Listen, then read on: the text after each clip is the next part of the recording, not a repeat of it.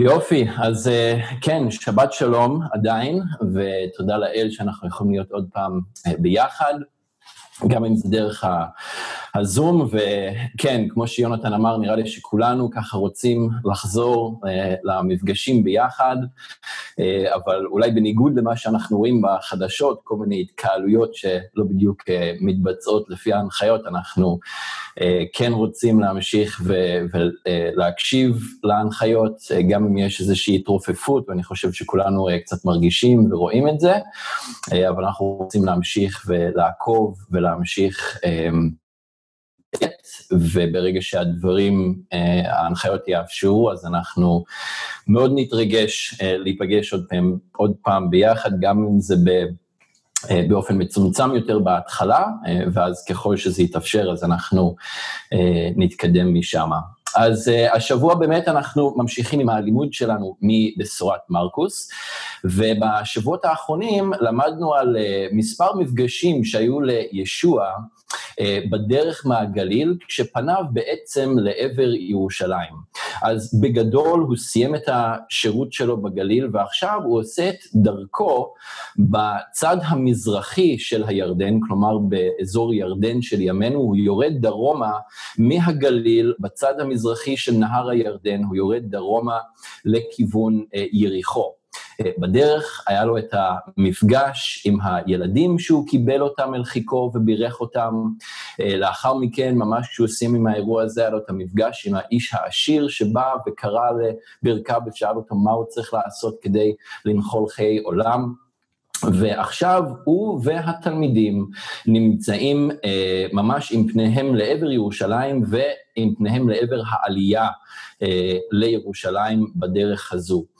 ומה ששמענו בשבוע שעבר מדני, זה איך שבפעם השלישית הוא סיפר להם שהוא עומד להימסר בירושלים לכהנים ולסופרים ולראשי הדת של העם, הוא סיפר להם שהוא הולך למות, הוא סיפר להם שהוא ייקבר ושהוא יקום לאחר מכן לתחייה שוב פעם. אבל כמו שראינו עוד פעם, הם לא ממש הבינו את מה שהוא אמר, ובמקום להקשיב ולהבין, שני בני זבדי, יעקב ויוחנן, הם מנצלים את ההזדמנות כדי לנסות לתפוס את המקומות הטובים במלכותו של ישוע, ויכול להיות שהם חושבים שזה ממש הולך לקרות עכשיו בירושלים, ישוע הולך לכונן את המלכות שלו, והם רוצים לדאוג לעצמם למקומות הטובים, לימינו ולשמאלו. כמובן שהבקשה הדי אגואיסטית הזו יוצרת ויכוח בין התלמידים, וישוע מוצא את עצמו עוד פעם, צריך להסביר להם שמי שיהיה גדול במלכות אלוהים, הוא לא זה שישים את עצמו מעל האחרים, אלא דווקא זה שישים את עצמו מתחת לאחרים, דווקא זה שיבוא ויהיה משרת לכל. ועכשיו ישוע והתלמידים מגיעים ליריחו. וכאן מתקיים מפגש מאוד מיוחד בין ישוע לבין קבצן עיוור. וכשאנחנו שומעים את התיאור הזה, קבצן עיוור, אנחנו בטח חושבים על, על מישהו אה, ממש שנמצא בתחתית אה, הסולם החבר, החברתי, מישהו שאין לנו ממש מה ללמוד ממנו, מישהו שאין לנו מה לקבל ממנו גם כן, זה אם כבר בן אדם שאנחנו יכולים ללמד אותו, מישהו שאנחנו יכולים לתת לו. אבל דווקא לקבצן העיוור הזה יש הרבה מה ללמד אותנו לגבי ההליכה שלנו אחרי ישוע ולגבי האמונה שלנו בו. אז אם יש לכם את ספרי הכתובים שלכם, תפתחו אותם למרקוס פרק י', פסוק 46, ואם יש לכם את המכשירים החכמים, אז תפתחו את האפליקציות שלכם לשם ונקרא ביחד את הקטע. ואז נתפלל ונתחיל.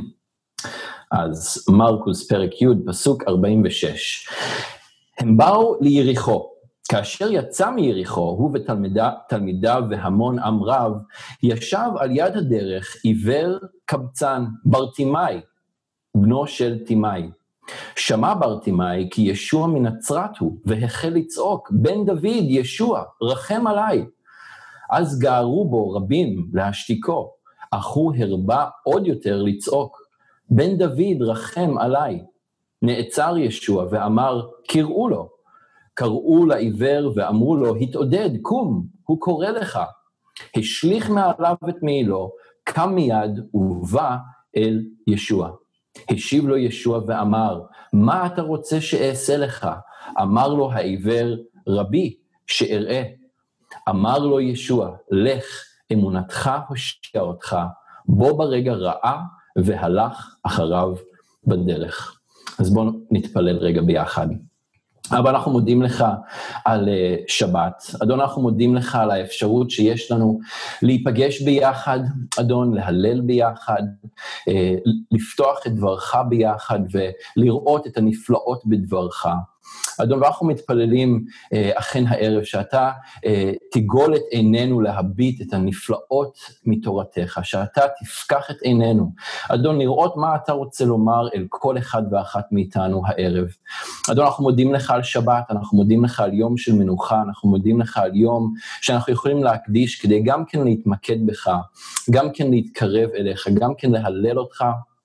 וללמוד מתוך דברך, אה, ולראות איך אתה רוצה להמשיך ולעצב אותנו, איך אתה רוצה להמשיך ולבנות אותנו, איך אתה רוצה לקחת אותנו מכבוד אל כבוד, אה, ולעצב אותנו יותר בדמות אה, בדמותו של ישוע. אז אדון, תהיה איתנו עכשיו, אבל אני מתפלל שתיתן לי את המילים שלך לחלק הערב, ותיתן לכל אחד ואחת ששומעים את האוזניים לשמוע את מה שאתה רוצה לומר להם. אנחנו מפקידים את עצמנו בידיך, מברכים את שמך ומודים לך שאתה איתנו, בשם ישוע המשיח. אמן. אז ישוע והתלמידים כמו שאמרתי, יורדים בצד המזרחי של נהר הירדן, הם מגיעים לאזור יריחו, הם חוצים את נהר הירדן ועוברים דרך העיר יריחו. עבורנו היום, אה, יריחו זאת עיר אה, פלסטינאית, אה, שאין לנו ממש קשר אליה, אולי שומעים עליה ככה מדי פעם בחדשות, אבל לא הרבה יותר מזה.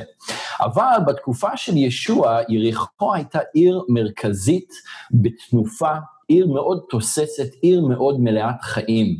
שם בעצם, ביריחו, בנו עשירי ישראל של התקופה ההיא את בתי החורף שלהם. כל המלכים הגדולים, הורדוס וכל השליטים הרומאים בנו שם את בתי החורף שלהם, ככה הם יכלו לברוח מהקור של ירושלים והרי יהודה, במיוחד בתקופת החורף, ולרדת לאזור הערבה ולאזור בקעת הירדן, איפה שמעט חם יותר, קצת מזכיר מכיר את אילת של ימינו, מי שרוצה לברוח מהחורף בשער הארץ, יורד לאילת, ושם עוד uh, חצי קיץ, מה שנקרא.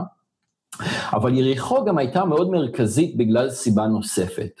זו בעצם הייתה התחנה המרכזית האחרונה בדרך, בדרך אה, בעלייה לירושלים. כלומר, מאותה נקודה אחרי יריחו לא היו עוד עצירות, לא היו עוד ערים, לא היו עוד מקומות מרכזיים לעצור, עד שמגיעים ממש לראש רכס הערים, ראש רכס אה, הרי יהודה, ובעצם לירושלים עצמה. וזו הדרך שישוע בטח הזכיר במשל של השומרוני הטוב, אנחנו קוראים על זה בלוקאס פרק 10, אה, פרק י', אה, זו דרך שכמו שהוא גם מתאר במשל הזה, היא הייתה דרך פתלתלה, דרך מסוכנת, דרך עם שודדים וכל מיני סכנות כאלה אה, לאורך הדרך. אם אתם מכירים קצת את התוואי שטח שם, או ביקרתם באזור, זה בעצם התוואי של מה שנקרא ואדי קלט, או נחל פרט של ימינו. יש שם את עין פרט, שזה שמורת טבע, אזור מאוד מאוד יפה. אה, לי יצא לשרת שם אה, בצבא, היינו יורדים למעיין, כל המים מבעבעים מתוך ה... אה, מתוך, ממש מתוך האדמה יש שם בריכות, אזור ממש ממש מדהים ויפה שאפשר לבקר בו גם היום, אבל גם מאוד מצוקי ומאוד מאוד מסוכן. והתקופה, אז זה בעצם האזור שכל זה אה, קורה ממש ביציאה מיריחו, כנראה באזור הכניסה אה, לוואדי קלט או נחל פרת של ימינו. התקופה זה ממש לפני חג הפסח, אה, ויש רבבות של אנשים, כמו שגם כתוב לנו בפסוק 46, שישוע אה, היה עם תלמידיו, והוא היה עם המון עם רב. אנשים מכל רחבי האזור שבעצם עושים את דרכם לירושלים, לקראת אחד האירועים, אם לא האירוע הכי חשוב בלוח השנה העברי, וזה כמובן ליל הסדר, חג הפסח. כולם עולים לירושלים. וישוע, כמו שראינו עד עכשיו, ואנחנו קוראים, הוא תמיד היה אה, מסובב בקהלים אה, די גדולים. אמ, אה, לפעמים הוא היה לוקח את ההפסקות שלו, אבל לרוב הוא היה מסובב בקהלים מאוד גדולים, ועכשיו הוא וכל אלה שהתלוו אליו בדרך דרומה ליריחו, בדרך העיר, אה, מתנקזים למה שאפשר אולי לכנות כאוטוסטרדה של עלייה לירושלים. אה, משפחות שלמות, עם סוסים ועם חמורים וטלאים ועזים וכל מיני חיות שהיו משתמשים בהם כדי להקריב קורבנות אמ, בבית המקדש בירושלים. המשפחות מגיעות וכולם מתנקזים, עוברים דרך העיר יריחו ומתנקזים לדרך הזו שעולה, לדרך הפתלתלה הזו שעולה דרך הרי יהודה אה, ממזרח ומגיעה בסופו של דבר אה, לירושלים. ומן הסתם, איפה שיש הרבה מאוד אנשים שמתנקזים דרך מאוד מרכזית, אז גם מתרכזים שם הרבה אנשים אה, חולים ועניים ומחוסרי בית וקבצנים, ואנשים שמחפשים עזרה וצריכים עזרה, והם ממש התקהלו שם לצידי הדרך אה, הזו, מבקשים נדבות, מבקשים עזרה מעוברי האורח, ש... גם יורדים מירושלים, אבל בתקופה הזו כנראה יותר עולים לירושלים מאשר יורדים מירושלים, ובין אותם קבצנים ובין אותם אנשים שישבו לצידי הדרך, היה גם אדם שמוכר לנו בתור ברטימאי, שקראנו עליו uh, עכשיו, והוא הגיבור של, ה, uh, של הקטע. ישוע הוא הגיבור האמיתי, אבל הוא גם כן הגיבור בקטע הזה. אה, בר תימאי אה, פשוט מאוד אומר הבן של תימאי, אז בעצם אין לנו את השם הפרטי של בר תימאי, אנחנו רק יודעים שהוא הבן של תימאי. והוא מתואר כעיוור וכקבצן, אדם שגם לא ראה, אה, וכנראה בגלל שהוא לא ראה, אז הוא גם כן היה מאוד עני, הוא היה קבצן, הוא לא יכל לעבוד, והוא היה מקבץ נדבות לצידי הדרך. ואנחנו קוראים עליו ש... שמע ברטימאי כי ישוע מנצרת הוא זה שבעצם עובר לידו, והוא החל לצעוק אל ישוע, בן דוד ישוע רחם עליי. אז ברטימאי, כמו שקראנו, הוא היה עיוור, הוא לא ראה עם העיניים שלו, אבל השמיעה שלו הייתה חדה ביותר. הוא לא ראה, אבל הייתה לו שמיעה מאוד מאוד מקוונת וחדה. וזה האמת לא מפתיע, כי באופן מחקרי גם, זה מה שקורה אה, לאנשים שאו שהם נולדים עיוורים או שהם מאבדים את הראייה שלהם. בעצם במוח שלנו, אני לא רופא, אבל קראתי על זה קצת, בטח שלא רופא של, של המוח, יש לנו אה, קורטקסים, קוראים לזה, קורטקסים, אה, לכל החושים שלנו. אה, ובדומה למעבד של מחשב, המוח בעצם מווסת אנרגיה לכל אזור שונה במוח לפי החושים אה, שיש לנו, ויש לנו קורטקס של ראייה ושל שמיעה ונגיעה וטעם וריח וכל החושים ועוד כל מיני אזורים במוח, אה, כמובן, שמנצלים, שואבים את האנרגיה, או מנצלים את האנרגיה של המוח. ו- ולכל אחד מהאזורים האלה יש את הקצאת האנרגיה שלו. ובעצם כשהקורטקס של הראייה לא מקבל גירויים, כלומר מהעיניים, ברגע שאין ראייה, יש עיוורון, האזור הזה במוח מתחיל להשתעמם. הוא לא מקבל גירויים, אז הוא מתחיל להשתעמם, והמוח, בתור ה... האיבר המדהים שאלוהים ברא ויצר אותו להיות, עושה דבר מאוד מדהים. הוא מכוות את עצמו מחדש, והוא בעצם לוקח את האנרגיה ואת ה, את המשאבים כביכול שהוא היה מקצה לקורטקס של הראייה כדי לעבד ולהבין את כל הדברים שאנחנו רואים בעיניים שלנו ולתרגם אותם למשהו שאנחנו יכולים להבין במוח, הוא לוקח את כל המשאבים האלה, את כל האנרגיה הזו, והוא מווסת את זה או מקצה את זה למקום אחר. עכשיו, אצל אנשים עיוורים, האנרגיה הזו מבוססת בעיקר לשמיעה. כי זה האיבר האחר שהם יכולים להשתמש בו, העיקרי, כדי להבין את מה שמתרחש ואת מה שקורה סביבם. וכתוצאה מזה, השמיעה שלהם בעצם נהיה חדה יותר, נהיית חדה יותר והבחנתית מאוד. אז הם מאוד מאוד קשובים לדברים שאנחנו, אולי אנשים שרואים, אה, בדרך כלל לא היינו שמים לב אליהם. וזה בעצם המצב עם ברטימאי, כמו שאנחנו קוראים עליו כאן. הוא היה חד שמיעה. ומהפסוק הזה, 47, אנחנו יכולים להבין שיש שני דברים שברטימאי שמע. הדבר הראשון, הוא שמע שישוע הוא זה שעובר על ידו.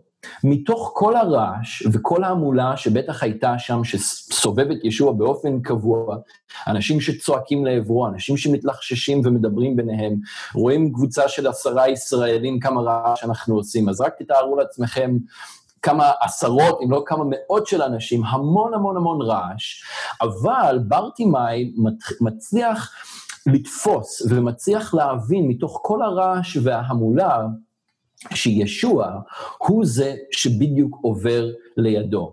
ואולי הוא שומע אנשים שקוראים לו, ישוע, ישוע, אולי הוא שומע אנשים מדברים ביניהם, כן, זה ישוע מנצרת, זה ישוע מהגליל, אמ, והוא, והוא מצליח לתפוס את זה, והוא מבין שזהו ישוע שעובר על ידו.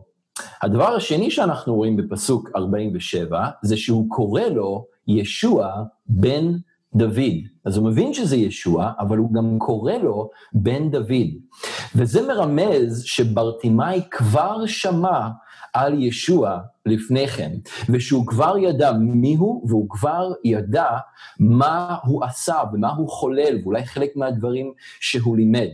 אולי בזמן שהוא ישב בצידי הדרך המאוד מרכזית הזו לירושלים, שבלי קשר לתקופה הזו של הפסח של עוד יותר אנשים שעולים לירושלים וגם יורדים, בכל אופן הייתה דרך די מרכזית אמ, וכנראה קדושה באנשים אה, באופן די קבוע. הוא שמע את הנוסעים בדרך, את אלה שהלכו ובאו, שרכבו על החמורים ועל הסוסים ובעגלות. הוא שמע אותם מדברים בינם לבין עצמם על הנביא, על עושה הניסים מהגליל, זה שמגרש את השדים, זה שמאכיל עשרות אלפי בני אדם מכמה דגים ומכמה חתיכות של לחם, זה שמתיר את הלשון, את הלשונות של האילמים, זה ש... פותח את אוזני החרשים. ומה שבוודאי היה לו הכי מעניין, ובטח תפס את תשומת הלב שלו בצורה הכי משמעותית, זה שנותן לעיוורים לראות שוב פעם. זה שפוקח עיני עיוורים. עכשיו, במרקוס, הביטוי הזה, בן דוד, שברטימאי משתמש בו וקורא לו ישוע, אה, אה, בן דוד, בן דוד, ישוע, אה, מופיע רק פעמיים בכל הבשורה. זה מופיע כאן פעמיים, זאת אומרת, זה מופיע שלוש פעמים, אבל בשתי מקומות. פעם אחת כאן, כש... מתואר לנו שברטימאי זועק לישוע וקורא לו בן דוד פעמיים, ובפעם השנייה זה מופיע בפרק י"ב, פרק 12 אה, בהמשך, אנחנו עוד נגיע לשם, כשישוע כבר נמצא בירושלים, והוא בעצם מאתגר את הסופרים ואת הפרושים ואת הכהנים וראשי הדת, אה, ושואל אותם איך יכול להיות שהמשיח נקרא בן דוד, אם דוד בעצמו קורא לו אדוני במזמור ק"י, במזמור 110. עכשיו, כיום ב, ביהדות, בימינו, יש כביכול שני משיחים. אולי אתם שמעתם את המושגים האלה, או שמעתם את הדיבור לגבי זה, שיש את משיח בן דוד. המלך הכובש והאצילי שיחזיר את המלכות לישראל, אה, מה שיונתן הקריא אה, בתחילת האספה לתלמידים ששאלו את ישוע, מתי אתה הולך להחזיר ולשקם את המלכות לישראל? אה, אז, אז זו, זה משיח אחד באמת שיעשה את הדברים האלה, כי יש תיאורים כאלה ויש נבואות כאלה בכתובים. אבל יש גם כביכול תיאורים אחרים, ומכאן גם משיח נוסף שמתואר או, או מכירים היום ביהדות, וזה נקרא משיח בן יוסף, שזה המשיח הדחוי והסובל, אה, בעיקר זה שמתואר בישעיה פרק נ"ג. אה, בלי להיכנס לזה יותר מדי, אבל פשוט הרבנים לאורך הש... שנים לא הצליחו ליישב איך יכול להיות שיש משיח אחד שמקבל תיאורים כל כך מנוגדים אחד לשני, אז המסקנה שלהם הייתה זה שזה לא משיח אחד, זה לא שני תיאורים של אותו אדם, אלא שני תיאורים של שני אנשים שונים. אנחנו יודעים שזה לא ככה, ובתקופה של ישוע גם כן לא היה עדיין אה, דבר כזה, זה משהו שקרה הרבה יותר מאוחר. בתקופת בית שני לא הייתה תפיסה של שני משיחים, רק אחד. והתואר המאוד ברור של המשיח היה בן דוד. התואר הזה, השם הזה, בן דוד, התייחס באופן ברור וחד משמעי למשיח אדוני, למשיח אלוהים המובטח. ואני חושב שבגלל שברטימאי משתמש בקריאה הזו, בשם תואר הזה לישוע, בן דוד, הוא כבר האמין בלב שלו שישוע הוא המשיח. ו- ואפשר לשאול, על בסיס מה הייתה מבוססת האמונה הזו שלו, המחשבה הזו של אה, ברטימאי? הרי הוא לא הלך עם ישוע בגליל, הוא לא נכח בניסים שהוא עשה, וגם אם כן, הוא לא היה רואה שום דבר בגלל שהוא היה עיוור. אבל הוא כן שמע.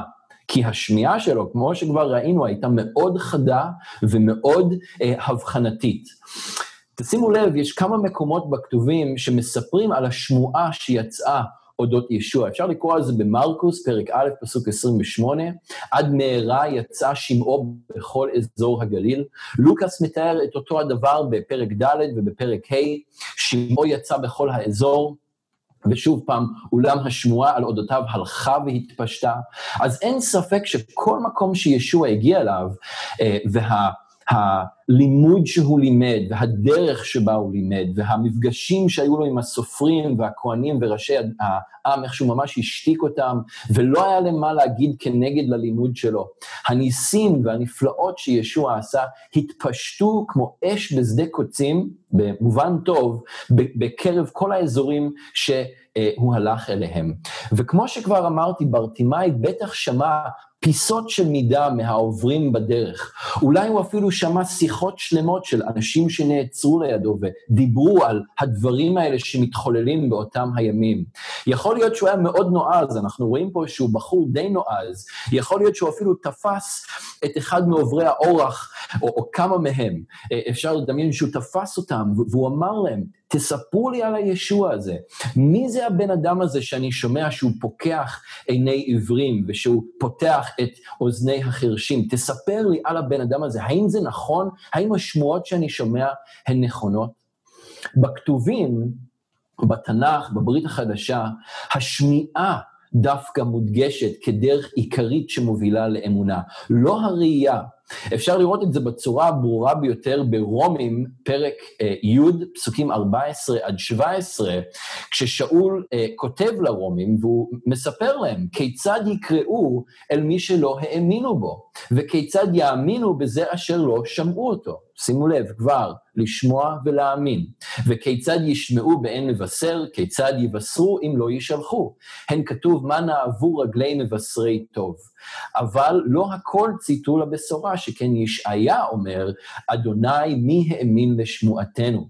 ובפסוק 17 בפרק י', אמ, שאול כותב, לפיכך, האמונה באה בשמיעה, והשמיעה בהכרזת דבר המשיח. אז הוא אומר את זה בצורה מאוד ברורה, האמונה באה בשמיעה.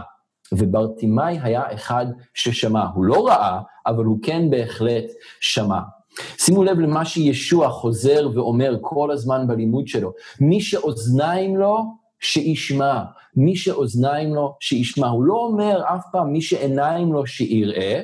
יש התייחסויות אחרות שהוא אומר אה, לתלמידים של יוחנן, לכו תספרו לו את כל מה שראיתם, ו- ועוד דוגמאות כאלה, אבל, אבל הוא תמיד אומר, מי שאוזניים לו שישמע את מה שאני אומר. אנחנו רואים בשנייה לקורינטים, פרק ה', פסוק 7, כתוב שכן על פי אמונה אנחנו מתהלכים ולא על פי מראה עיניים. עוד פעם, אמונה, אמונה כבר ראינו קשור לשמיעה ולא לראייה. אוקיי? אנחנו רואים גם עם יוחנן, אה, סליחה, בספר יוחנן, בשורת יוחנן, פרק אה, כ', פרק 20, מתואר לנו המפגש, אה, או לא המפגש, אבל האירוע עם תומא, שהיה בעצם אחד מה, מה-12, אחד מהשליחים, אחד מהתלמידים, והוא היה מלא בספקות. ישוע התגלה לתלמידים אחרי שהוא קם מן המתים, תומא לא היה שם. והתלמידים באים ואומרים לו, ראינו את האדון. והוא משיב להם ואומר, אם לא אראה את סימן המסמרים בידיו ולא אשים את אצבעי במקום שהיו המסמרים, ולא אשים את ידי בצידו, לא אאמין. הוא היה... בחור קצת קשה, תומא, לא היה מוכן להאמין אם הוא לא היה רואה בעיניים שלו, ולא רק שלא רואה, אם הוא לא היה נוגע גם כן. שמונה ימים אחר כך, התלמידים היו אה, באיזשהו בית בדלתיים סגורות, וכתוב אה, אה, שישוע בא ועמד ביניהם ואמר שלום לכם, פסוק 27, אז אמר לתומא, הבא את אצבעך הנה וראה הנה אה, ידיי, הושט את ידך ושים אותה בצידי, ואל תהיה חסר אמונה אלא מאמין. השיב תומא ואמר לו, אדוני אה, ואלוהי. אז, אז תומא ראה תומא נגע, תומא שם את הידיים שלו, את האצבעות בתוך החורים, את היד שלו בצד, והוא אמר, אני מאמין. אבל מה ישוע אומר אחרי זה בפסוק 29? מה הוא אומר לתומא? הוא אומר, מפני שראית אותי, האמנת. אשרי אלה שאינם רואים, ועם זאת מאמינים. אשרי אלה שאינם רואים, ועם זאת מאמינים. איך הם ידעו על ישוע אם הם לא רואים. אנחנו לא מריחים את ישוע, אנחנו לא תואמים את ישוע, ישוע כבר עולה שמיים, אנחנו לא נוגעים ומרגישים את ישוע, איך באה האמונה? איך יהיו אלה שישוע אומר עליהם שהם לא רואים אבל עדיין מאמינים? על ידי השמיעה. על ידי זה שהם ישמעו את הבשורה, והשמיעה של הבשורה תוביל אותם למקום של אמונה. אז לעומת תומא שראה ונגע, ולעומת הסופרים והפרושים שראו במו עיניהם, אבל סירבו להאמין, למרות שהם ראו את הניסים והנפלאות, הם ראו את הדברים מתחוללים אל מול עיניהם, הם לא היו מוכנים להאמין. ברטימאי הוא לא ראה והוא לא נגע, אבל הוא כן שמע. ואוזניו היו מחודדות ומכוונות לבשורה, והוא מיד קישר בין ישוע מנצרת לבן דוד, שהוא המשיח שפוקח עיני עיוורים. הוא שמע, הוא זעק לבן דוד, הוא זעק למשיח שירחם עליו, וכתוצאה מזה ישוע גם פעל בגבורה בחייו, כמו שאנחנו קראנו וכמו שנראה תכף. ואנחנו, אני חושב, זה אחד, הדוגמה הראשונה של, של איך אנחנו צריכים גם כן להיות עם אוזניים מכוונות, אוזניים פתוחות לדבר אלוהים, אוזניים פתוחות למה שהוא אומר לנו. לא, לא עם הראייה, לא עם, עם עיניים, אלא עם אוזניים. עיניים רוחניות כן, אבל אוזניים שפתוחות לשמוע את מה שהוא אומר לנו. עכשיו, מלבד השמיעה המחודדת של ברטימאי לבשורה והזעקה שלו לרחמים, יש עוד כמה תכונות שאפשר לראות אצל הקבצן העיוור, שיכול ללמד אותנו דבר אחד או שניים מלבד הנושא הזה של השמיעה. ש, אה, שלושה דברים. הדבר הראשון זה נחישות והתמדה. בחור נחוש, הוא לא ויתר. כשהוא צעק לישוע וניסו להשתיק אותו, הוא לא אמר, אה, כן, אה, עזוב, בכל מקרה אה, הוא לא ישמע אותי, או בשביל מה כל המאמץ, בכל מקרה לא, לא יהיה אכפת לו ממני, הוא בטח לא ישים לב אליי, הוא פשוט ימשיך הלאה אה, בדרך. ואנחנו לא יודעים מה שאנחנו קוראים פה בפסוק אמ, אה, 48, שגערו בו רבים להשתיקו, אנחנו לא יודעים מי זה האנשים שגערו בו אה, וניסו להשתיק אותו, אולי זה היה תלמידים שכבר ראינו שהם גם ניסו למנוע מהילדים לבוא אל ישוע, אולי זה היה פשוט עוד אנשים בתוך הקהל ובתוך ההמולה של האנשים שהלכו עם ישוע אה, בדרך. אנחנו לא יודעים בדיוק מי זה, אבל לברטימאי זה לא היה משנה ככה או ככה, כי הוא לא היה מוכן שאף אדם ושום דבר, אף דבר יבוא בינו לבין ישוע. הוא פשוט לא היה מוכן שדבר כזה יקרה. מה כתוב לנו שברטימאי עשה בפסוק 48? אה, הוא הרבה עוד יותר לצעוק. אין בעיה, אתם מנסים להשתיק אותי, אז אני הולך לצעוק עוד יותר. והמילה הזאת, גם של צעקה ביוונית, זה המילה קרצו. וזה מתאר לא סתם צעקה, כלומר, הוא צעק לישוע ו- וניסו להשתיק אותו, אז הוא כאילו רק הגביר את הווליום, הוא הגביר את, את רמת הצעקות שלו. זאת מילה שמתארת ממש זעקות של שבר.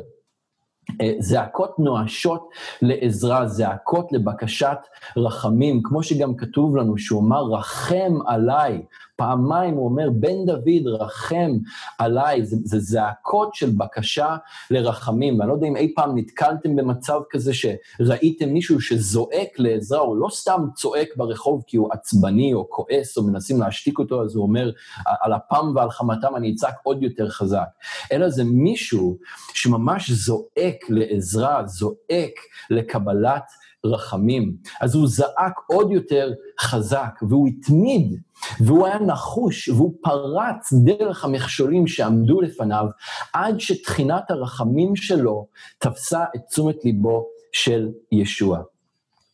ו- ואני אוהב את מה שכתוב בתחילת פסוק 49, אה, כתוב, נעצר ישוע. ישוע נעצר, ממש הכוונה פה עמד במקום. עכשיו, תבינו, ישוע הוא מאוד מוכוון משימה, הוא בדרך לירושלים. אני בטוח שהוא מאוד מתרגש כבר בתוכו, כי הוא יודע מה הולך לחכות לו, מה ממתין לו בירושלים, והוא יודע את הסבל ואת הקושי שהוא הולך לעבור בעוד ימים לא רבים מאותו יום.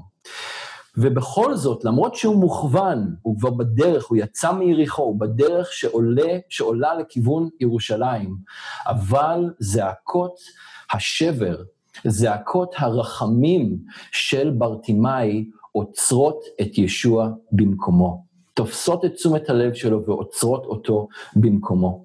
וחשוב שאנחנו נדע את האמת המאוד מרגשת ואמיתית הזו, שהזעקות שלכם לאדון תופסות את תשומת הלב שלו גם כן.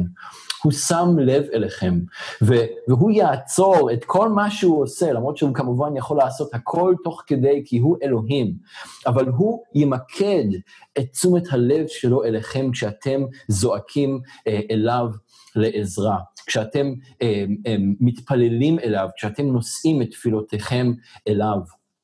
במזמור ס"ו, 66, פסוקים 19 ו-20 כתוב, אכן שמע אלוהים, הקשיב בקול תפילתי.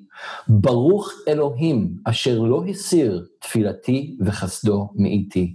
אכן שמע אלוהים, הקשיב בכל תפילתי, הוא אכן מקשיב, הוא אכן שומע, והוא לא הסיר את תפילתו וחסדו מאיתי, הוא לא מתנער, הוא לא ממשיך הלאה בדרך עם מה שיש לו, עם המשימות שיש לו להיום. אנחנו הרבה פעמים עושים את זה. הרבה פעמים אולי אנשים מביא, אה, אלוהים מביא אנשים לדרכנו, כי הוא רוצה שאנחנו נפנה אליהם, הוא רוצה שאנחנו נעזור להם, ויכול מאוד להיות, ואני יודע שזה קורה לי גם כן, שאנחנו יותר מדי מוכוונים לעבר מה שעומד מולנו, הקניות שאנחנו צריכים לעשות, המטלות, המשימות שיש לנו לעשות, שאולי אנחנו לא שמים לב לאנשים שזועקים אלינו לעזרה, ואנשים שאלוהים מביא לדרכנו כדי שנוכל לשרת אותם, כדי שנוכל להראות להם את אהבת המשיח.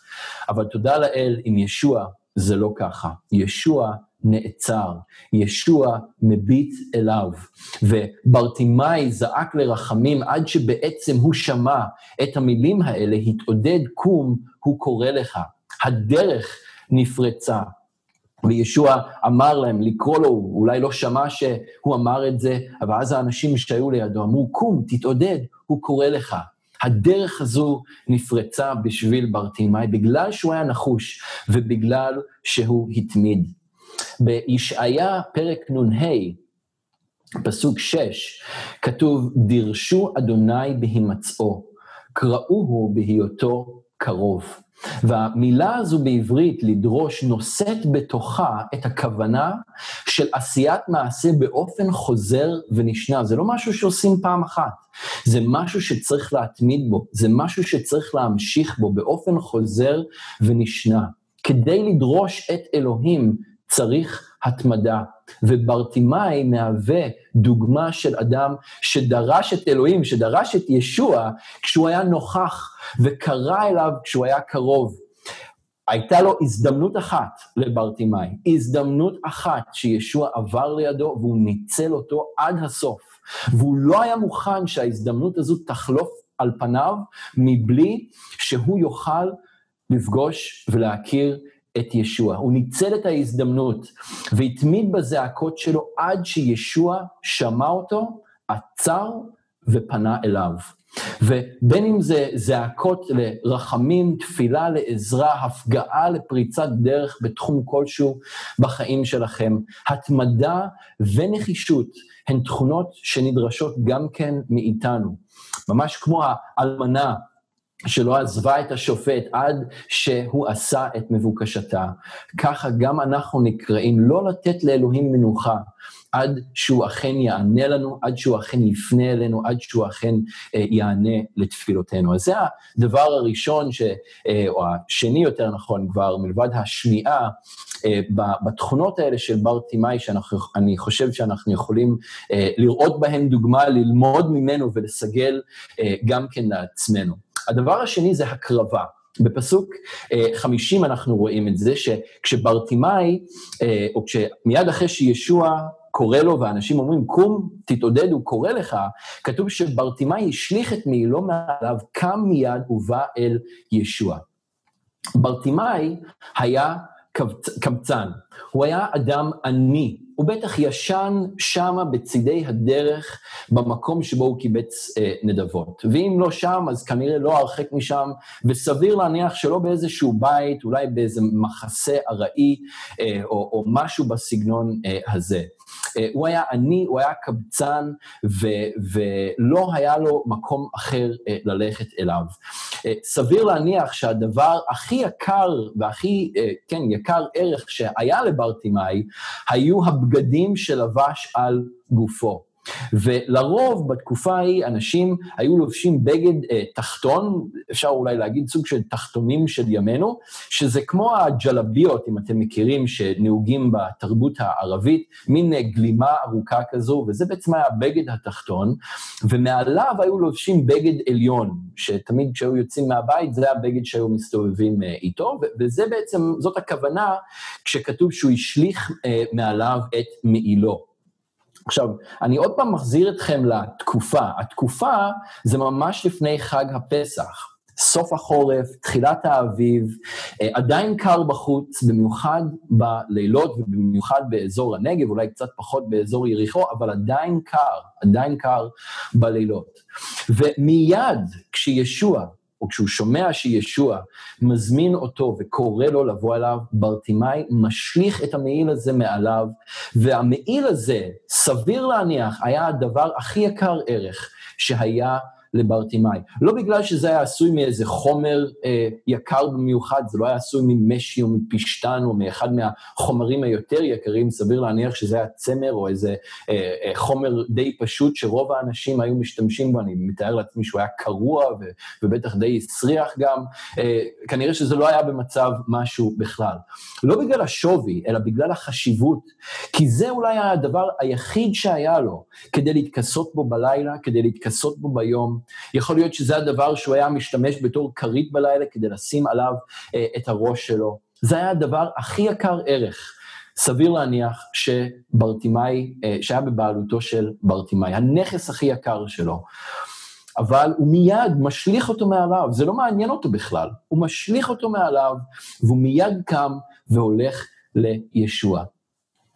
תראו את הניגוד לעומת המפגש הקודם שתואר לנו, המפגש עם האיש העשיר, אה, מאמצע הפרק שבא וקרא לרגליו של ישוע וקורא לו רבי הטוב ושואל אותו מה הוא צריך לעשות כדי להיוושע, וכשישוע בסופו של דבר אומר לו שהוא צריך לעשות דבר אחד אחרון בסך הכל, למכור אה, או לתת את כל הנכסים שלו לעניים ולבוא וללכת אחריו, הוא קם והוא עוזב את ישוע עם פנים נפולות, כי לו, היו לו נכסים רבים.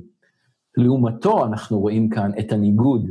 ברטימאי היה מוכן לוותר על הדבר החשוב לו ביותר כדי להגיע לישוע וכדי ללכת אחרי ישוע.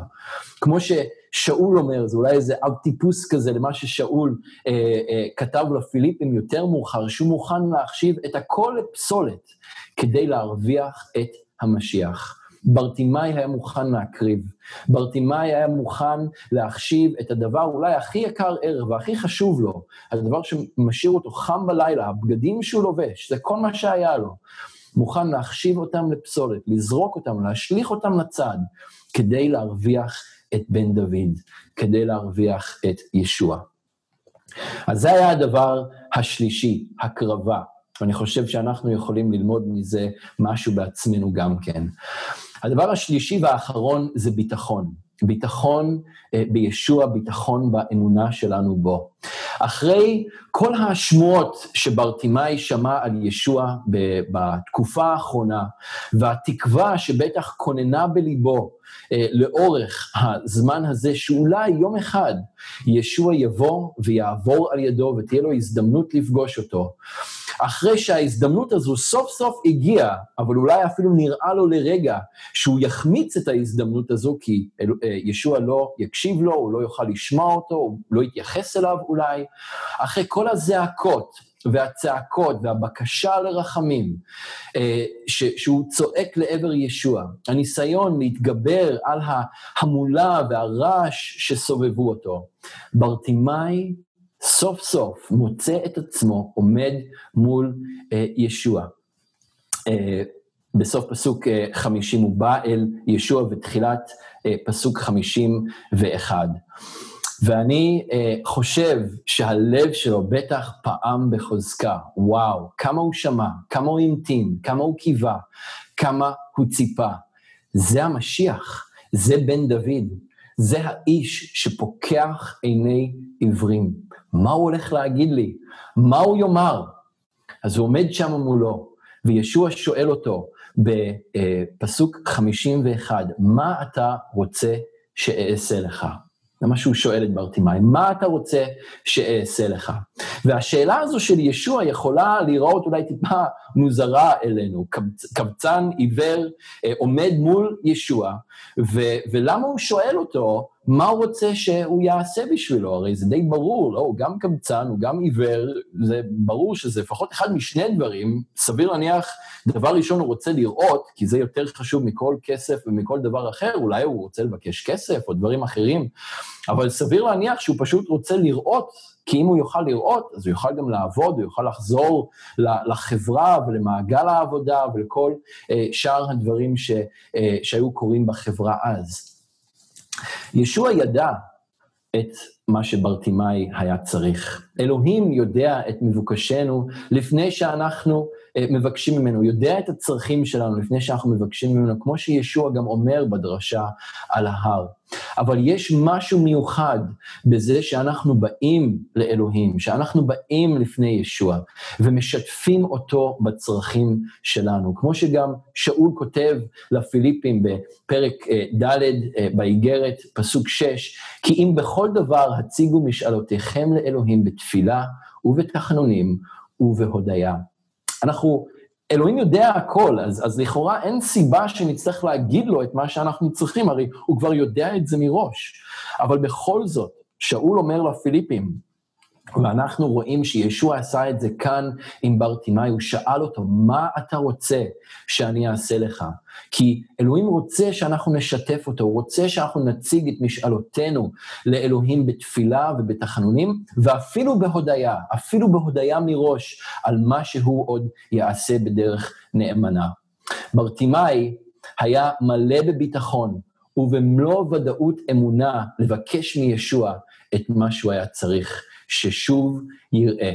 והוא עונה לישוע בלי למצמץ, תרתי משמע, כנראה שהוא לא היה באמת ממצמץ, רבי שאראה, בסוף פסוק 51. הוא ידע בדיוק מה הוא רוצה, וברטימאי האמין בכל ליבו שישוע יכול להחזיר לו את ראייתו. הוא שמע שהוא עשה את זה בשביל אחרים, והוא ידע והאמין בכל ליבו שהוא יכול לעשות את זה גם כן בשביל עצמו. אני חושב שהוא מזכיר לנו פה עוד פעם את מה שהכותב של אל העברים יכתוב יותר מאוחר, באל העברים פרק י', פסוקים 19 עד 23, לכן, אחי, מכיוון שיש לנו ביטחון, ביטחון להיכנס אל הקודש בדם ישוע, בדרך חדשה וחיה שהוא חנך לנו דרך הפרוכת שהיא בשרו, ובהיות לנו כהן גדול על בית אלוהים, נתקרבנה בלבב שלם ובמלוא ודאות האמונה, כשליבותינו מתוארים מהרשעת מצפון והגוף רחוץ במים טהורים, נחזיקה נא בתקווה שאנו מצהירים עליה ואל נמות, שכן נאמן המבטיח. ברטימאי כבר מראה לנו מה זה אומר לבוא לפני ישוע, לעמוד לפניו בביטחון ובלב שלם ובמלוא ודאות האמונה, כדי להציג בפניו את משאלותינו ואת צרכינו אה, בתפילה ובתחנונים ובהודיה. אז אלה שלושת הדברים שאני חושב שאנחנו יכולים אה, ללמוד מברטימאי. ומיד לאחר מכן, בפסוק 52, ישוע חושף את האמונה שכבר כוננה אה, בלב של ברטימאי. בפסוק 52, ישוע אומר לו, לך, אמונתך הושיע אותך. הוא אומר, האמונה שהייתה לך בתוך הלב, היא הושיעה אותך. והמילה הזו, הושיע, ראינו את זה כבר, אני חושב, אה, לפני כן במקומות, ש... באירועים בבשורה של מרקוס, שישוע אמר את אותו הדבר לאנשים, אמונתך הושיע אותך, אמונתך ריפאה אותך. והמילה הזו של הושיע מתכוונת גם כן לרפואה פיזית וגם לרפואה רוחנית, גם לישועה. אז האמונה של ברטימאי גם ריפאה אותו וגם הושיע אותו. והיא הגיעה אליו על ידי זה שהוא שמע את הבשורה שהאוזניים שלה היו מחודדות ומקוונות ל... כן, לדברים שהוא שמע ממה שקורה ככה מסביבו, אבל הוא היה מקוון לבשורה הזו, למה ש... למי שהוא ישוע ולמה שישוע אה, עושה. ובזכות ההתמדה שלו, וההקרבה שלו, והביטחון שלו באמונה שישוע אכן יכול לעשות את הדברים האלה עבורו. וכתוב שבו ברגע ראה והלך אחריו בדרך. מיד ברטימאי קיבל גמול על האמונה שלו. הוא גם קיבל את מאור עיניו בחזרה, והוא גם קיבל ישוע. ומה הוא עשה בתגובה? כל כך נפלא לראות, הוא הלך אחרי ישוע בדרך. על איזה דרך מדובר? כמובן הדרך שעולה לירושלים. ישוע מתחיל את העלייה לעבר ירושלים, המקום שבו אה, זה ייגמר מצד אחד, אבל רק יתחיל מצד שני מבחינתו, אה, וברטימאי הופך להיות לתלמיד של ישוע והולך איתו בדרך. זה בעצם נס הרפואה האחרון שמוזכר לנו בבשורה של מרקוס. והאירוע אה, הזה, אה, עם ברטימאי, מוזכר גם בבשורה של... אה, האירוע הזה מוזכר גם בבשורה של מתי וגם בבשורה של לוקאס. במתי כתוב שהיו, שהיה עוד עיוור, שהיו שני עיוורים שזעקו. בלוקאס מוזכר רק אחד, אבל שמו לא מוזכר, כתוב רק שהיה עיוור שביקש נדבות. רק מרקוס מזכיר את העיוור בשם כלשהו, ושוב, כמו שאמרתי בהתחלה, לא בשם הפרטי שלו, אה, אבל בשם ברטימאי, הבן של תימאי. ואני חושב שהיה משהו ייחודי בדרך שבה ברטימאי פעל, שהיה צריך להדהד בהיסטוריה.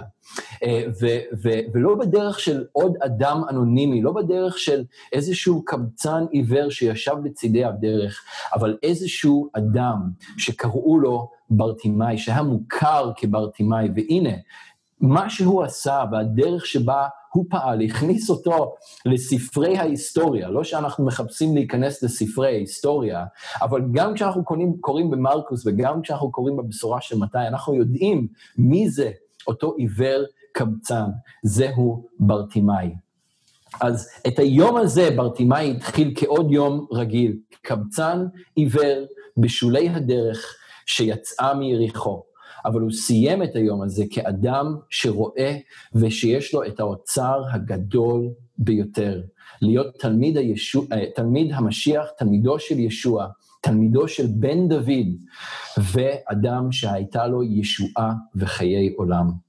ואני חושב, לפעמים אנחנו אולי יכולים להרגיש חסרי אונים כמו ברטימאי, אבל אם אנחנו נחדד את השמיעה שלנו, אם אנחנו נלמד ממנו ככה את השיעורים האלה שאנחנו רואים, נחדד את השמיעה שלנו לדבר אלוהים, שאנחנו נציית לו, שאנחנו נתמיד בחתירה שלנו ובהתמדה שלנו להיות בנוכחות של uh, ישוע, ולא ניתן לשום דבר, לשום דבר להפריד בינינו לבינו, למנוע מאיתנו להגיע אליו, ויש המון הסחות דעת, ויש המון דרישות לתשומת לב שלנו, ויש הרבה מאוד דברים שהרבה פעמים מונעים מאיתנו לבוא אל ישוע, לזעוק אל ישוע, להתפלל אל ישוע.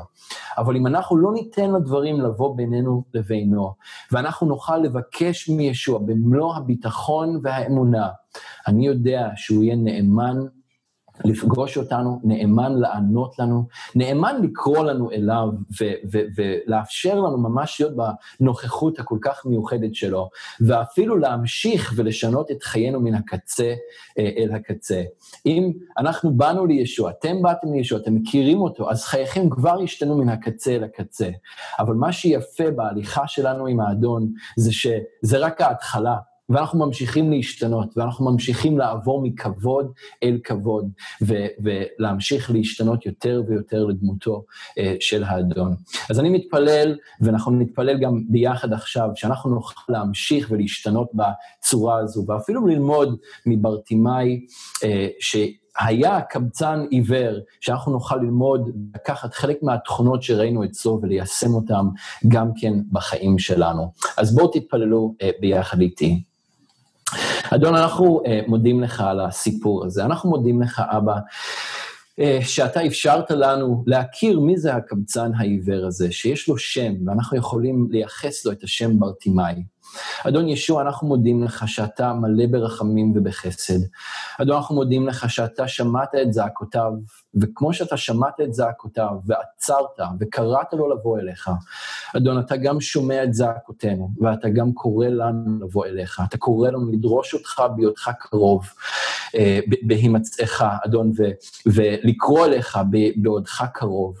אדון, ואנחנו רוצים להיות נאמנים לקריאה הזו. אדון, אנחנו רוצים למצוא את עצמנו אה, מתמידים, אנחנו רוצים למצוא את עצמנו, אדון, מקריבים את מה שצריך, אנחנו רוצים למצוא את עצמנו מתמלאים באמונה כדי לבוא לפניך, כדי לקרוא בשמך, כדי להציג את משאלותינו ואת אה, לפניך, אדון, בידיעה שאתה אכן שומע ושאתה אכן נאמן אה, לקיים ולשמוע. אז אבא, אנחנו אה, מודים לך ואנחנו מתפללים ביחד שתעזור לנו ליישם את הדברים האלה אפילו עוד יותר בחיינו, שתעזור לנו להמשיך להיות נחושים ולהיות נחושים עוד יותר ולהתמיד עוד יותר. אדון, ולהקריב אם יש דברים בחיינו שאנחנו צריכים לשים בצד, אם יש דברים שאנחנו צריכים להסיר מהם קצת את המיקוד. אדון, עזור לנו לעשות את זה. אם יש דברים אדון, שאנחנו, או אם יש, אה, אה, אם אנחנו צריכים להתמלא יותר בביטחון לפניך, אז מלא אותנו בביטחון הזה, מלא אותנו ביותר אמונה. אדון, ותחדד את האוזניים שלנו, להיות קשובים לקול שלך, להיות קשובים לדברך, וקשובים למה שאתה אומר אלינו. ואנחנו מודים לך, אדון, שאתה ממשיך לפעול בנו, ואתה ממשיך לעשות בנו את רצונך. לך, אדון, כל הכבוד והתפארת, אנחנו מהללים ומברכים את שמך, בשם ישוע המשיח. אמן. יופי, אז אנחנו uh, נסיים עם uh, ברכת הכהנים, ואז אנחנו נוכל לפתוח את המיקרופונים והמצלמות ולברך אחד את השני בשבוע טוב. יברכך אדוני וישמרך, יאר אדוני פניו אליך ויחונקה. יישא אדוני פניו אליך, וישם לך שלום, בשם ישוע משיח, שר השלום שלנו. אמן ואמן.